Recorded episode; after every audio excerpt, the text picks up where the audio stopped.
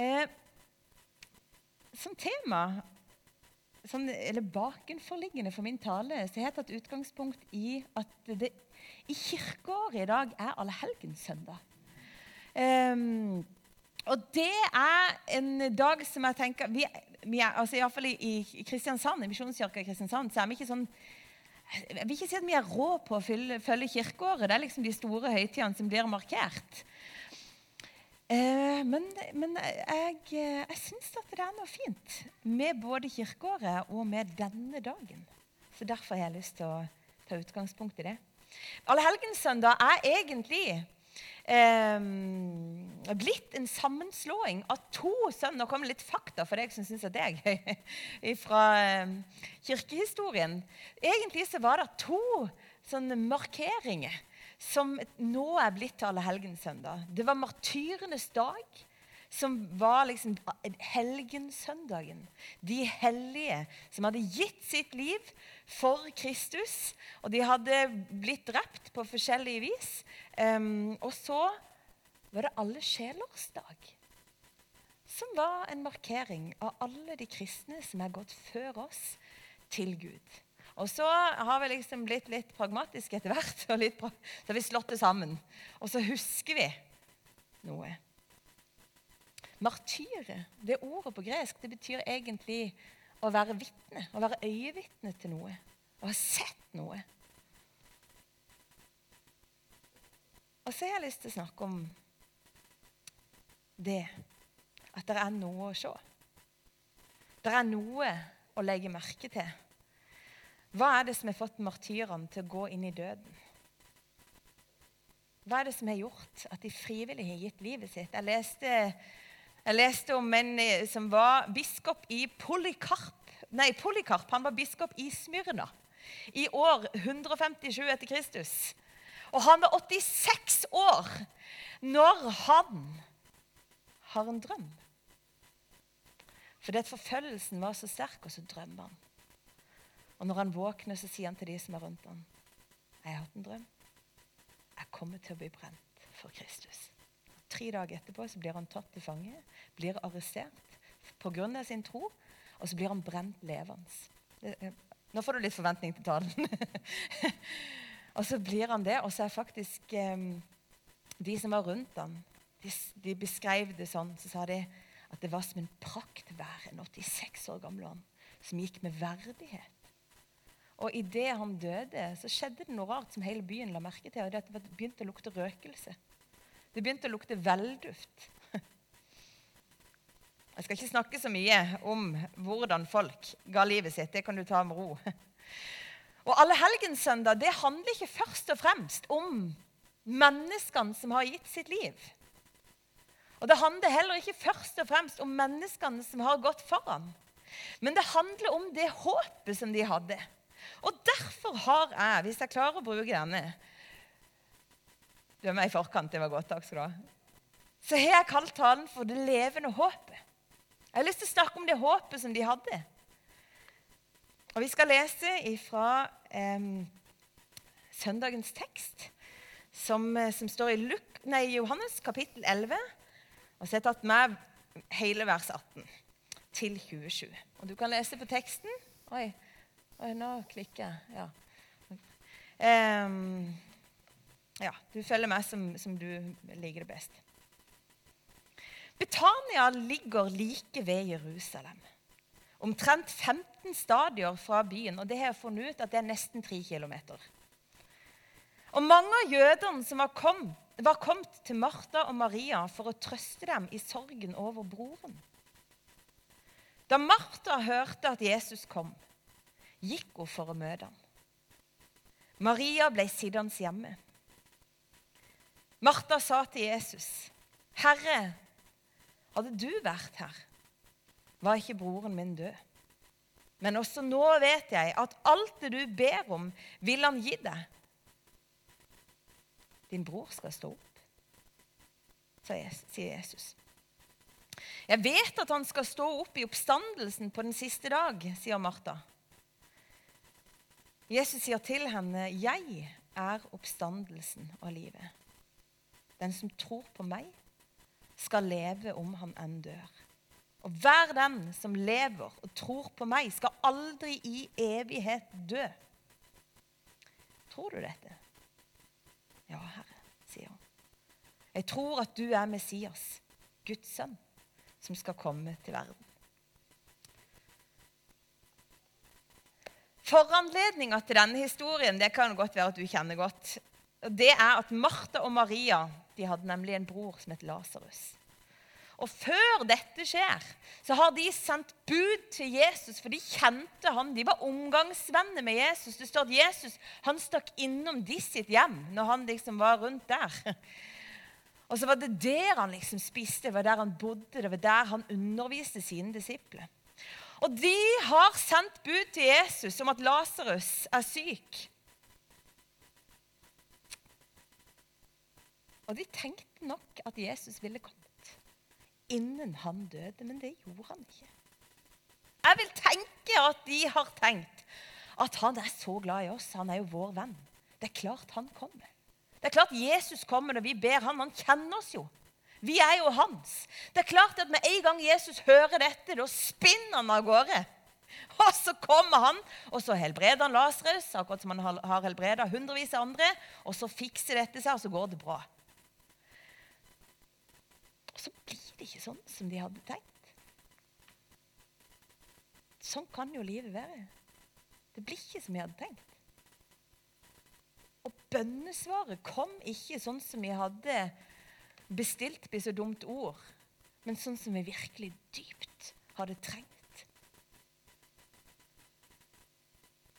Så når Jesus nærmer seg, etter at Lasarus allerede har vært død noen dager Fire dager står det videre i teksten at han har ligget i grava. Da går Martha han i møte. Og hun er i hvert fall sånn som vi kan lese ut fra Lukas evangel, hun er ei grepa dame. Skjønner du? Hun er ei som, som, som fronter og går i, i, i saken. Så hun går Jesus i møte. Og hva er det hun sier? Det er ikke 'Å, så godt at du kom'. Det er ikke endelig Jesus. Hun lar han få høre det, og så sier hun, 'Hadde du vært her, da hadde ikke min bror vært død.' Og det er akkurat som Martha har en anklage til Jesus. Hvorfor kom du ikke? Hvorfor kom ikke du? Vi er jo dine venner. Hvorfor svarte ikke du når vi sendte bud på deg? Du kunne ha fiksa dette, Jesus. Nå er livet vårt falt i grus. Og det var det faktisk, på et vis, fordi at han var jo mannen. Han var den som hadde anledning, og på en måte, han var den som kunne skaffe penger, og som hadde autoritet i kulturen til å, til å sørge for at disse kvinnene ikke skulle gå til grunne. Nå, Jesus, på grunn av at du ikke stilte opp, så går livet mitt i grus. Hvor i huleste har du vært? Hvorfor lot du dette skje? Og jeg tenker at vi er mange som kanskje kan kjenne oss igjen i den reaksjonen. Jeg kan i hvert fall. Jeg kan i hvert fall. Jeg har vært så sint på Jesus at jeg. Ja. Men samtidig så er det tro i det hun sier. For Hun sier at hvis du hadde vært her, så hadde ikke dette skjedd. Og det er som om hun sier Jeg vet hvem du er. Sant? Jeg vet du er jo han som kunne ha løst dette. Så det er to ting som skjer her. Det er dyp desperasjon og anklage, og samtidig så er det tro. Og så sier Martha noe. Ja. Det første hun sier, 'Hadde du vært her, så var ikke broren min død.' Så sier hun, 'Men også nå vet jeg at det du ber Gud om, vil han gi deg.' Og Tidligere så tror jeg at jeg har tenkt at Martha var litt sånn lur. Altså at hun var litt sånn Men du kan fortsatt gjøre det. At det var liksom det Martha egentlig sier. Ja, hvis du hadde kommet, du kunne ha vært her. Men du kan fortsatt gjøre det. Jeg, jeg faktisk, hvis, jeg, hvis jeg skal være helt ærlig, så har jeg tolka det sånn. Og så jeg glemt å se sammenhengen. Fordi at det kan ikke være tilfellet. Litt seinere vet kanskje de fleste her at Jesus går for å reise opp eh, Lasarus. Og da er Martha den som stopper han. Så sier hun nei, nei, nei, nei, nå er han død. Du kan ikke forandre på denne situasjonen. Du kan ikke reise opp. Du kan ikke forandre det. Det skjedde er skjedd. Hva er det Martha egentlig sier når hun sier dette? Men også nå vet jeg at alt det du ber Gud om, det vil jeg gi deg.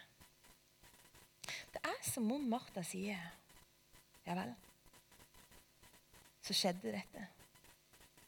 Så døde han. Ja vel, så var det ikke meg som skulle få lov til å bli helbreda. Ja vel. Så var det ikke vår familie som skulle få hjelp. Ja, ja, jeg håper det er noen andre som får hjelp av deg, Jesus. Det er som om hun sier det. Ja, ja. Skjedd er skjedd. Nå får vi bare håpe at det er noen andre. Nå, nå, nå får du helbrede de som er her, de som fortsatt lever. Og Jeg vet ikke om du kan kjenne deg igjen i den følelsen. Det kan jeg. Når jeg ikke har fått mitt bønnesvar, så har jeg nesten gitt opp. Skjønner du? Jeg har gitt opp. Ja, ja, Jesus, så var, var det ikke meg som skulle bli velsigna denne gangen.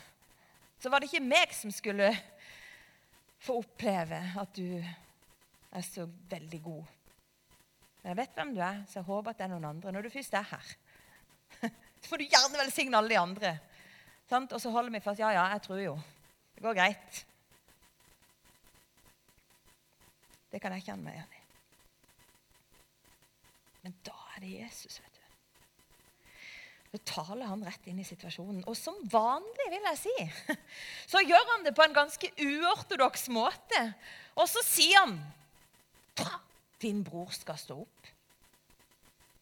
Han taler rett inn i situasjonen som er umulig, og så sier han din bror skal stå opp. Din bror.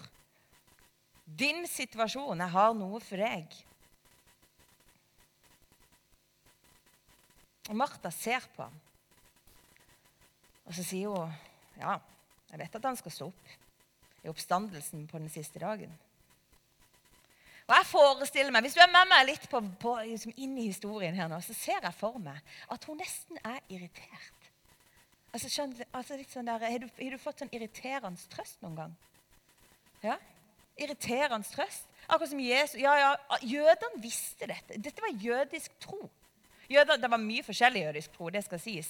Men fariseeren holdt fast. Det kan du lese om at det var en, det var en uenighet mellom fariseeren og sadukeren. For fariseeren holdt fast på Skriften som sa at det kom en oppstandelse.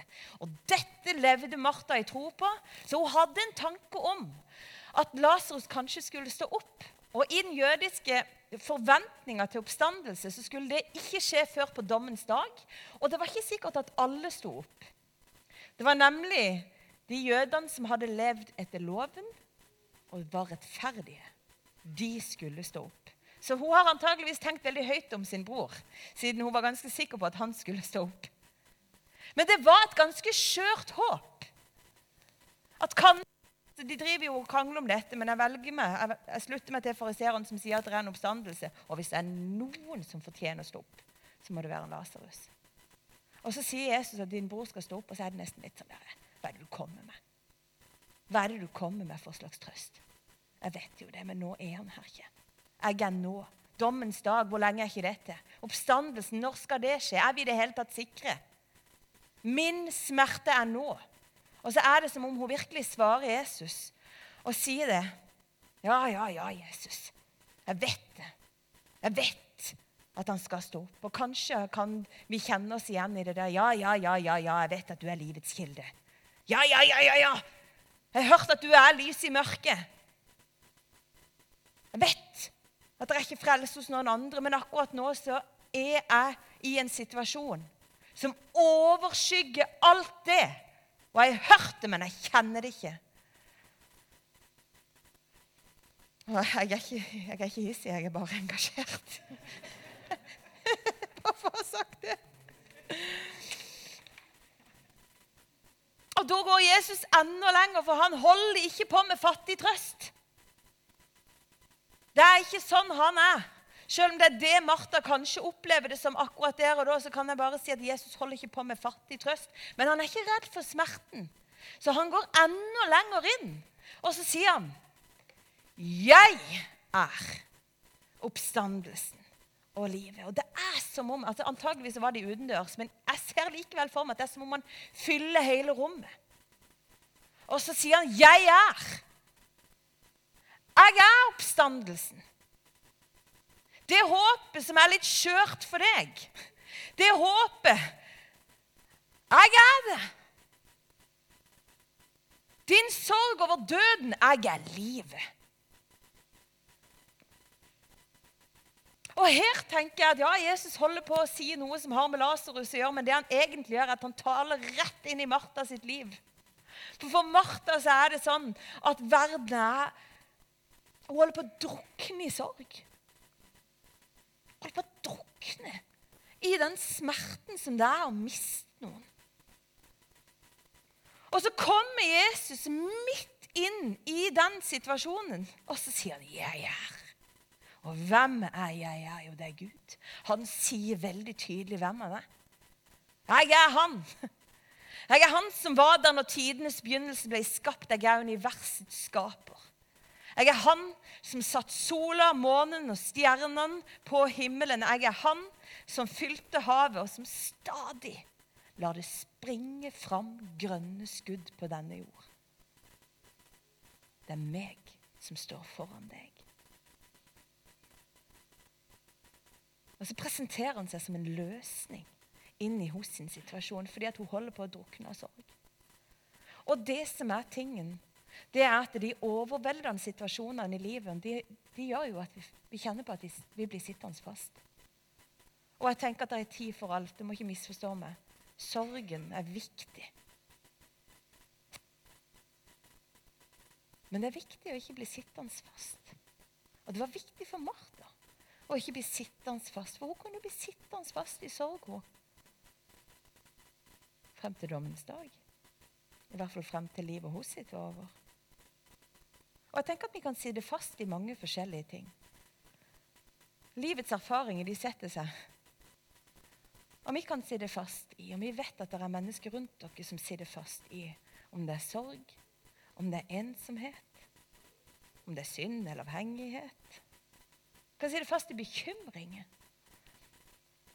Vi kan si det fast i pengefokus. Vi kan si det fast i kroppsfokus, i karrierefokus. Og så tenkte jeg på det at når sykdom rammer Kanskje du er syk, eller kanskje du kjenner noen som er syke.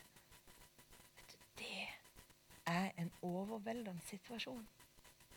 Og det er fort gjort å bli sittende fast i den smerten som det er. Og Jeg sier ikke at det ikke er alvor, og jeg sier ikke at vi skal skyve det vekk. Jeg er ingen herlighetsteolog. Men inn i Martha sin smerte så tilbyr Jesus en løsning. Så sier han, 'Jeg er det du håper på. Jeg er det du trenger. Jeg er den oppstandelsen som du har håpa på.' Jeg er liv midt i situasjonen din. Og de av dere som kjenner sorg og har kjent det og vi vet det at det er, da, er det ikke mye liv igjen. Det er som om alt er noe, det er akkurat som noen bare har skrudd på en kran, og så renner livet ut. Og så er det ikke så mye mer å hente. Og så sier Jesus jeg er liv. Jeg er kilden til det du har bruk for. Og David, som er en prøvd mann, som vi kan lese med Det gamle testamentet, han er en prøvd mann.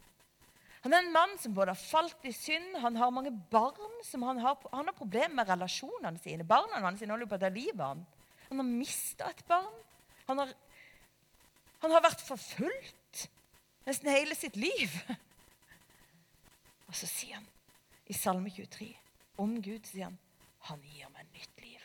Det er som om det stadig skytes friske skudd ut av det livet som har med ham så er det noe som visner, det er noe som tar på. Det er det jammen meg i dette livet, men det skyter stadig friske skudd. Hvorfor det?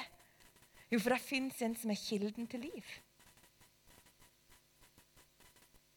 Og til Martha så tilbyr Jesus seg faktisk som et sentrum i livet. Når sorgen er blitt sentrum, så sier Jesus Jeg er. Og betyr, han, han ber henne ikke om å kvitte seg med sorgen.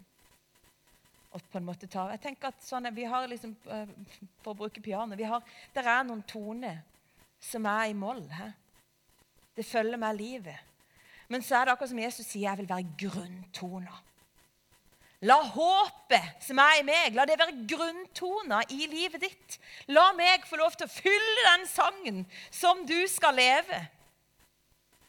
Og ikke minst så profeterer han om hvem han er, og hva han har makt til å gjøre. For han sier at 'jeg er oppstandelsen og livet'. Den som tror på meg, skal leve om han enn dør. Og hver den som lever og tror på meg, skal aldri i evighet dø. Tror du dette? Ja, Herre sier. Jeg tror at du er Messias. Guds sønn, han som skal komme til verden. Og det har jeg tenkt på, at Martha faktisk midt i sin smerte bekjenner sin tro. Det er godt gjort. Det er godt gjort midt i smerten å si jeg tror på Jesus Kristus, Guds enbårne sønn. Det er ikke det du har lyst til å si. Det er ikke det jeg kjenner på midt i min smerte. Alt jeg kjenner på, ja, Jeg trodde på Jesus Kristus. Hvor ble han av? Det er jo ofte det som melder seg. Og så tenk deg på det. Hva slags betydning har det for fortellinga at hun bekjenner sin tro? Hva betyr troa egentlig? For På den ene sida er jo vi vet at Gud er allmektig, og Jesus kommer som Gud midt iblant oss. Han har gitt all makt i himmel og på jord. Og Likevel så er det noe med vår tro. Det er noe med Martha sin tro, det er noe med bekjennelsen, som nesten er en sånn der åpning.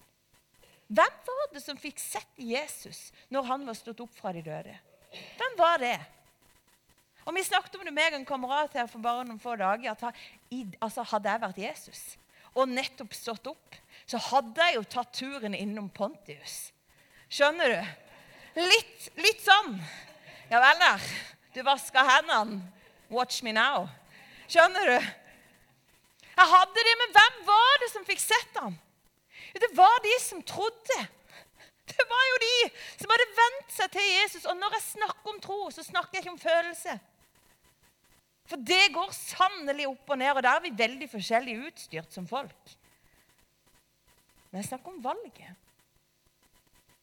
Til å venne seg til Jesus og si, 'Herre, jeg tror, hjelp min vantro.' Herre, jeg vil. Jeg vil ha deg i livet. Og det er jo på en måte det Martha sier. Og så er det som om svaret til Martha er som et, sånn, et startskudd for det Jesus gjør etterpå i historien. Og vi som kjenner historien, vet det. At det som skjer, er at Jesus går inn og så vekker han opp Lasarus. Som allerede stinker tre, nei, fire dager etter at han er død. Og når han gjør det, så er det en enorm forkynnelse av hvem Jesus er. Jødene de visste det. Det er bare Gud som er allmektig til å vekke opp fra døden. Det er bare han som er seierherre. Evigheten hører Gud til. Han er evig.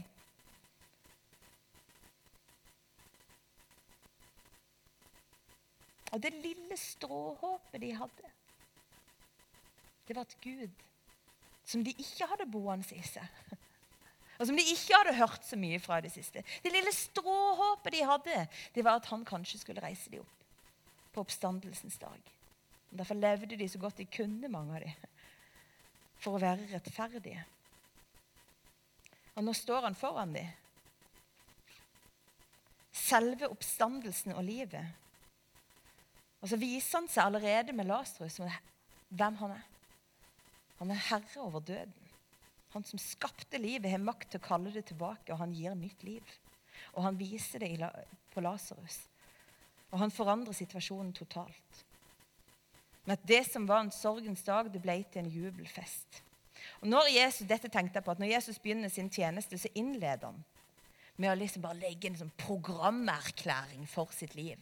Så leser han ifra Jesaja 61, så sier han, 'Herrens ånd er over meg'. Det er derfor det er levende. vet du. Det er pga. Den hellige ånd. Herrens ånd er levende. Han er over meg, sier han. Han er salva meg, han er sendt meg for å forkynne et godt budskap for hjelpeløse. Forbinde de som er knust i hjertet. Frihet for de som er i fangenskap. Og frigjøring for de som er bundet. Du som sitter fast i en situasjon. Der er frihet. Et nådens år. For å trøste alle som sørger. Gledens olje istedenfor sorg. Og Oppvåkninga av Lasarus er helt klart et mirakel. Og jeg vet at det finnes historier, og jeg kjenner folk som har vært med å be og sett at døde mennesker er blitt levende. Jeg tror på miraklet. Og jeg tror at Jesus er den som helbreder. Det har jeg erfart i mitt eget, min egen kropp. Jeg har erfart det med å be for andre, og så har jeg erfart at det ikke skjer. I min egen familie. Og jeg kjenner det. Sant? At Av og til er det sånn Hadde jeg hatt Jesus for meg, så skulle jeg tatt ham. Sant? Jeg kjenner til det. Men jeg tror at han er miraklenes Gud. Han er forskjellen. Og Likevel så er oppvåkninga av Lasarus det peker på noe som er enda større. For det forteller om Guds plan for oss som er hans, sine, eh, hans sine barn. Og det at det fins et liv etter døden. De rettferdige lever videre. Men hvem er rettferdig, da? Skal vi se Det har jeg ikke tatt med. Men det står i hvert fall i Galaterne 2 at vi vet at ikke noe menneske blir rettferdig for Gud ved gjerninger som loven krever. Det er bare ved troen på Jesus Kristus at du blir rettferdig. Og Derfor satte vi vår lit til ham, så vi kunne bli kjent rettferdige ved troen på Kristus, og ikke ved lovgjerninger. For ikke noe menneske blir rettferdig ved lovgjerninger. Og Eddie sa det så fint når han inviterte til nattverden. Vi kan ikke noe annet enn å komme som vi er. Hvem er rettferdig? Hvem har fått håpet? Hvem har fått håpet midt inn i sin situasjon her på jord? Jo, det har vi. Og hvem har fått håpet om det levende livet i evigheten? Jo, det har vi. Og nå skal jeg avslutte med en historie som, som jeg erfarte for et par år siden. Og noen av dere, fordi at dere går på Liv og Vekst, vet at min pappa ikke er frisk. Han har ulike former for plager Litt hudkreft, litt problemer eh, med mage. Ja. Men for 14 år siden så hadde han ei ulykke som, som, ga han varige men. Sånn at han ble arbeidsufør. Han falt ned, og så fikk han knust, han fikk knust deler av ansiktet sitt. Eh, og Så skulle de operere han, og så gjorde de en feil. Og så har han, eh, så har han fått Jeg husker ikke hva det heter, men det, det, det det er i hvert fall sånn Han lever med sånn smertestøt hele tida i hodet sitt. Og så har det vært en katastrofe. Det virker, altså vi, noe sitter fast i, for å si det sånn. Det har vært en katastrofe. Det vært helt pyton.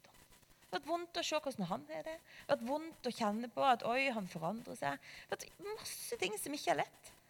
Og ikke minst har det gått utover mamma. Det er hun som lever. det er hun som som liksom skal ha hverdagen sammen. Og, og jeg tenker at Der sitter vi med forskjellige. Sant? Vi har hatt en forventning til hvordan livet skulle se ut, og så ser det plutselig ikke sånn ut lenger. Og derfor så var det sånn et utrolig sjokk.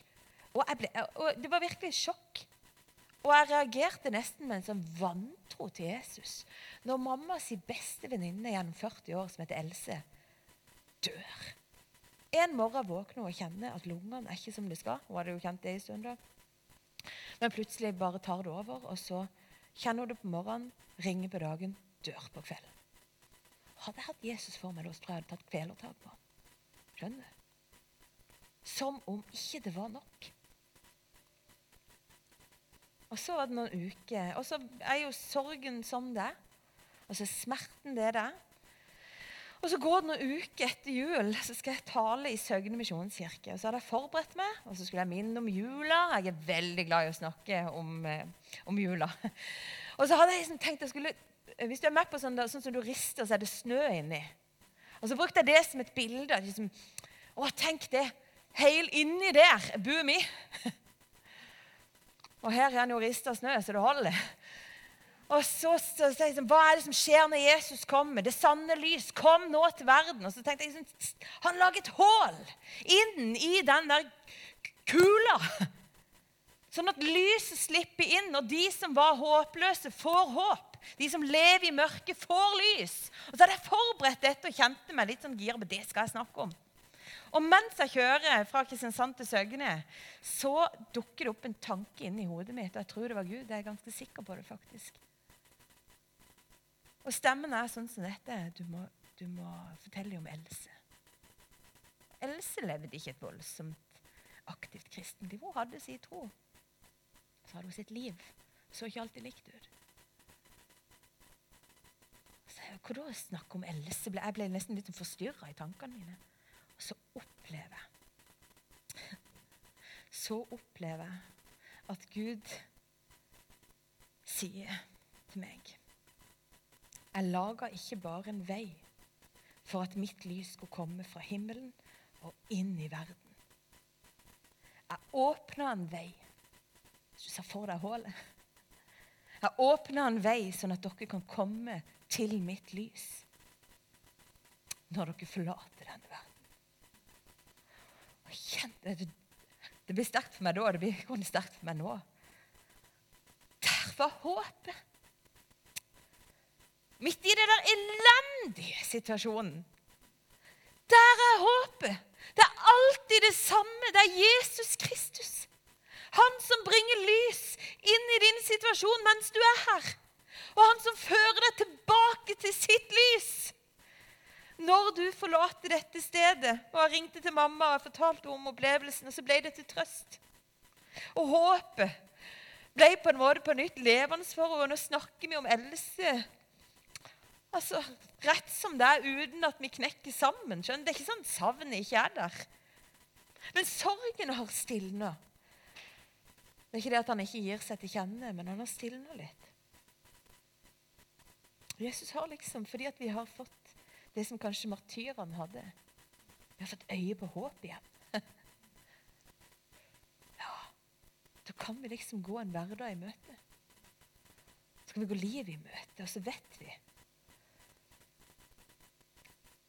At vi lever sammen med Han, som er vårt håp. Uansett hva vi skulle treffe på. Han er løsningsmannen. Han er underfull rådgiver, han er veldig Gud, evig far. Han er fredsfyrste. Og du som trenger fred i ditt indre, han er fyrsten av fred. Han eier freden, og den vil han gi til deg. Og han er det levende håpet som bærer inn i evigheten. Og Peter sier dette, og Peter ble jo en martyr. Hvis vi skal tro tradisjonen og de som har skrevet ned, så blir han korsfesta opp ned. Og Han visste at han skulle lide, for Jesus hadde sagt det til ham. Og likevel så skriver han lovet være Gud, vår Herre Jesu Kristi Far, Han som i sin miskunn har født oss på ny, til et levende håp ved Jesu Kristi oppstandelse fra de døde. Det er ikke et fattig håp du har. Og det er ikke et fattig håp du har å gi. Tromsø trenger et levende håp. Ja. Og jeg har lyst til å avslutte med å si Ære være Faderen og Sønnen og Den hellige ånd, som var og er en sann Gud, levende fra evighet til evighet. Jeg ber en bønn. Jesus, jeg takker deg for det.